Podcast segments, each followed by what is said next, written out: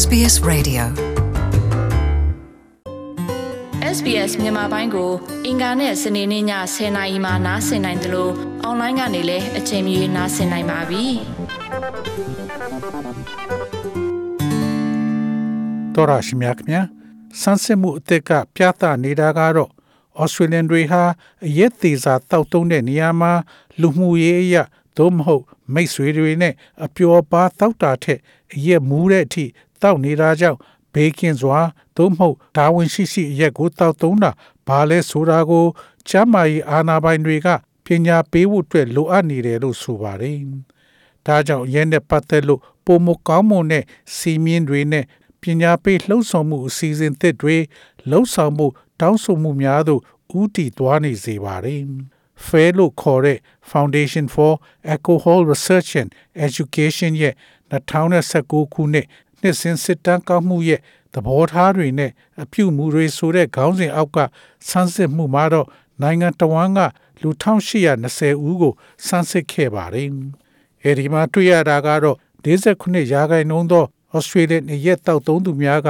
ရက်ကိုမူဖို့အတွက်တောက်တာလို့ဆိုပြီးဒါဟာ2021ခုနှစ်စမ်းစစ်မှုနဲ့နှိုင်းစားရင် တိုးမြင့်သွားတာဖြစ်ပါတယ်။ ပြီးတော့90ရာခိုင်နှုန်းထက်နည်းပါးတဲ့ဩစတြေးလျရက်တောက်သုံးသူများကသူတို့ရဲ့တောက်သုံးတဲ့ပမာဏကတာဝန်ရှိရှိတောက်တာလို့ထင်မှတ်နေတာကို တွေ့ရှိရတယ်လို့ဆိုပါတယ်။အရက်မူဖို့အတွက်တပတ်မှာအနည်းဆုံးတစ်ခါအရက်တောက်သူ64ရာခိုင်နှုန်းကပြောတာကတော့သူတို့ကိုသူတို့တာဝန်ရှိရှိတောက်သုံးသူများလို့ထင်မှတ်ကြသလိုပဲပုံမှန်တိုင်း6ခွက်ကနေ10ခွက်အထိအခမ်းအနားပွဲတွေမှာတောက်သုံးသူ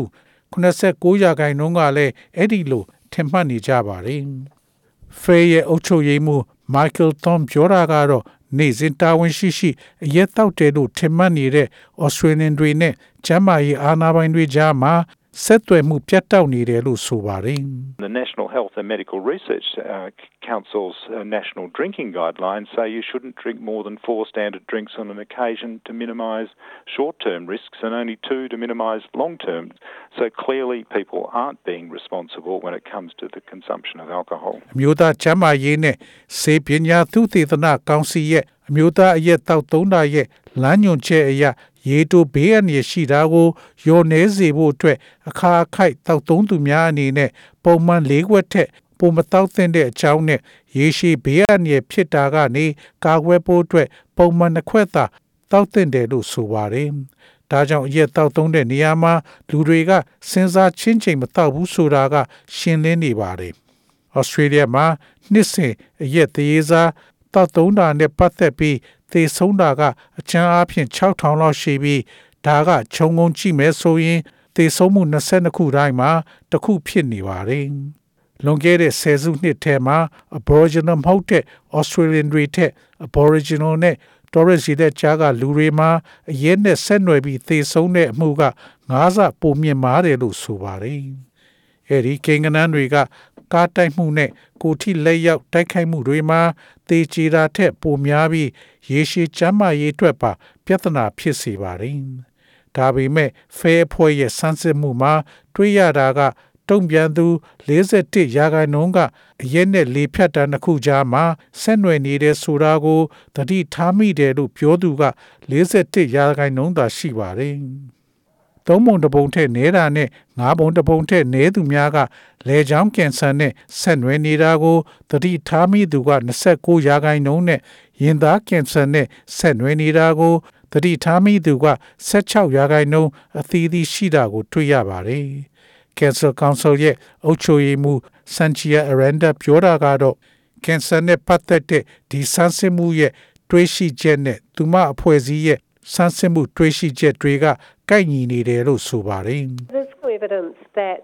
individuals don't understand that cancer and alcohol are associated. Drinking excessively in Australia causes nearly as many cancer deaths as overexposure to ultraviolet ဒီ radiation. ထောက်ထားတွေအရဆိုရင်လူတူဦးချင်းကကင်ဆာနဲ့အရက်ကဆက်နွယ်မှုရှိတယ်ဆိုတာကိုသတိမထားမိကြပါဘူး။ Australia မှာအရက်အလွန်ကျွံတောက်တာက ultraviolet ဓာတ်ရောင်ခြည်နဲ့ထိတွေ့တာကြောင့်ကင်ဆာနဲ့သေဆုံးတဲ့အရေးအတွက်နှီးပါရှိပြီးနေရောင်ခြည်နဲ့ပြင်းထန်စွာ တွေးထိတာရဲ့အကျိုးသက်ရောက်မှုကို လူတွေကပုံမမြင်မားစွာသတိပြုမိပါတယ်ပညာပေးလှုံ့ဆော်မှုအသစ်တွေအတွက်အစိုးရမှပုံမအသုံးပြုဖို့အတွက်မစ္စတာတွန်ကတောင်းဆိုလိုက်ပါတယ် People are aware of the association between violence and family violence, but there's a lack of awareness about these long term risks. There hasn't been a national uh, public awareness campaign in this country since 2009. And frankly, governments need to be လူ investing တွေကအ in ကြမ်းဖက် public တာ health နဲ့ campaigns. မိသားစုအကြမ်းဖက်တာနှစ်ခုကြားမှာဆက်နွယ်မှုရှိတာကိုသတိပြုမိပါတယ်။ဒါပေမဲ့ဒီအရဲ့ရဲ့ရေရှည်အန္တရာယ်ရှိတဲ့အကြောင်းကိုတော့သတိမူဖို့အတွက်ချို့တဲ့နေပါတယ်။2009နှစ်ထဲကအမျိုးသားလူထုနားလေသဘောပေါက်ဖို့ လှုံ့ဆော်မှုအစည်းအဝေးဒီနိုင်ငံမှာမရှိခဲ့ပါဘူး။ရှင်းရှင်းပြောရရင်တော့အစိုးရတွေအနေနဲ့အရက်တောက်တာနဲ့ဆက်နွယ်နေတဲ့ဘေးအန္တရာယ်အဆင့်မှန်ကိုဖော်ပြတဲ့ကြီးမားတဲ့လူမှုကျန်းမာရေးမှာငွေမြုပ်နှံဖို့လိုအပ်နေပါတယ်။အမျိုးသားမူရစေဝါနဲ့အရက်သူသေသနာဌာနကပေါမောက္ခအန်တိုနီရှိတ်ရှာဖ်ကတခြားဆေးဘက်ဆိုင်ရာသူသေသနာတွေလိုပဲဒီတောင်းဆိုမှုတွေကို ထောက်ခံတယ်လို့ဆိုပါတယ်။ ဒါပေမဲ့၎င်းကဆုံးဖြတ်ချက်မချခင်စဉ်းစားဖို့အချက်တချို့ကိုပြောဆိုပါတယ် there's not a lot of evidence that education and increased knowledge by themselves change behaviour. So there might have to still be some thinking about some other strategies we can employ. ပညာပေးတာကသူတို့ဘာသူတို့အမှုအကျင့်ကိုပြောင်းဖို့အသိပညာကိုတိုးမြင့်စေတဲ့ဆိုတဲ့အထောက်ထားအဲ့ဒီမှာသိမ့်မရှိပါဘူး ကျွန်တော်တို့အသုံးပြုနိုင်မဲ့တခြား view ဟာတချို့ကိုစဉ်းစားနိုင်ဖို့အဲ့ဒီမှာရှိနိုင်ပါတယ်ပမောက္ခရှိတ်ချပြောတာကတော့အရက်စီးမြင်းတွေနဲ့အရက်ကြောညာတို့ကိုပူးတွဲလို့ပညာပေးတာမျိုးကပို့လို့အကျိုးဖြစ်ထွန်းနိုင်တယ်လို့ဆိုပါတယ် A good analogy to keep in mind is probably the drink driving one. So just telling people that it's dangerous to drink and drive isn't what shifted people to be more reluctant to drink and drive. But it was also, you know, the introduction of random breath testing. And if you get caught, you know, you've got to go to court, you might lose your license and all that sort of stuff. If you just educated people about the dangers of drinking and driving, you'd get some shift. But the thing that really makes a difference is the addition of ကျွန်တော်တို့တွေးခေါ်မှုထဲမှာထိတ်ရမဲ့သေချာတာတစ်ခုကကောင်းမွန်တဲ့တွေးခေါ်ဆင်ခြင်နိုင်မှုတစ်ခုကအရက်တောက်ပြီးကားမောင်းတာဖြစ်နိုင်ပါတယ်လူတွေကိုအရက်တောက်ပြီးကားမောင်းတာကအန္တရာယ်ရှိတယ်လို့ပြောနေတာကြောင့် လူတွေကအရက်တောက်ပြီးကားမောင်းဖို့တွန်းဆုတ်တာသို့မဟုတ်သူတို့စိတ်ကိုပြောင်းရွှေ့စေတာမဟုတ်ပါဘူးဒါပေမဲ့တစ်ချိန်တည်းမှာအလင်းသင့်သလို random breath testing လုပ်တာကိုစတင်လှုပ်ဆောင်တာကပါသင်မီးလို့ရှိရင်သင်တရားရုံးကိုသွားနိုင်ရပြီးသင်ကားလိုင်စင်ဆုံးရှုံးနိုင်တာတို့အပါဝင်ဖြစ်ပါတယ်တကယ်လို့သင်အရက်တောက်ပြီးကားမောင်းတာရဲ့အန္တရာယ်ကို လူတွေကို ဒါနဲ့ပဲပညာပေးရင် လူတွေရဲ့စိတ်ကိုအနှဲငယ်သာရွှေ့ပြောင်းနိုင်ပါတယ်ဒါပေမဲ့တကယ်တမ်းပြောင်းလဲစေတာကစီကံတချို့ထဲ့သွင်းခြင်းဖြင့်တကယ်တမ်းထူးခြားမှုကိုဖြစ်စေပါတယ် Cancer Council က Sanchia Aranda မှာလည်းအတွေးအခေါ်တချို့ရှိပါတယ် There needs to be a range of policy reforms, such as restrictions on alcohol advertising and promotion, particularly to young people,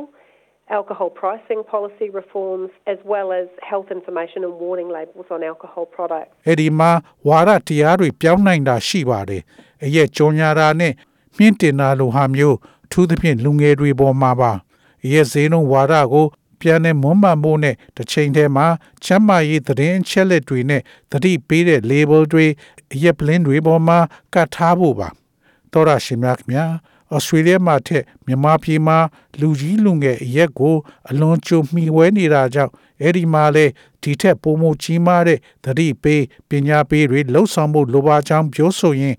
SPS သတင်းဌာနက Evan Young ရဲ့ဆောင်းပါးကိုဘာသာပြန်တင်ဆက်ပေးလိုက်ရပါတယ်ခင်ဗျာ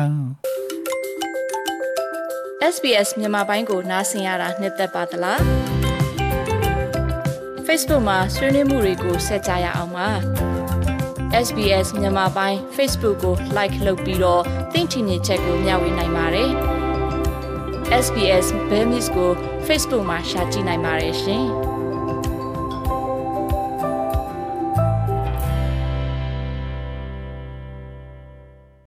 Tell us what you think. Rate this podcast on iTunes. It helps other people to find us.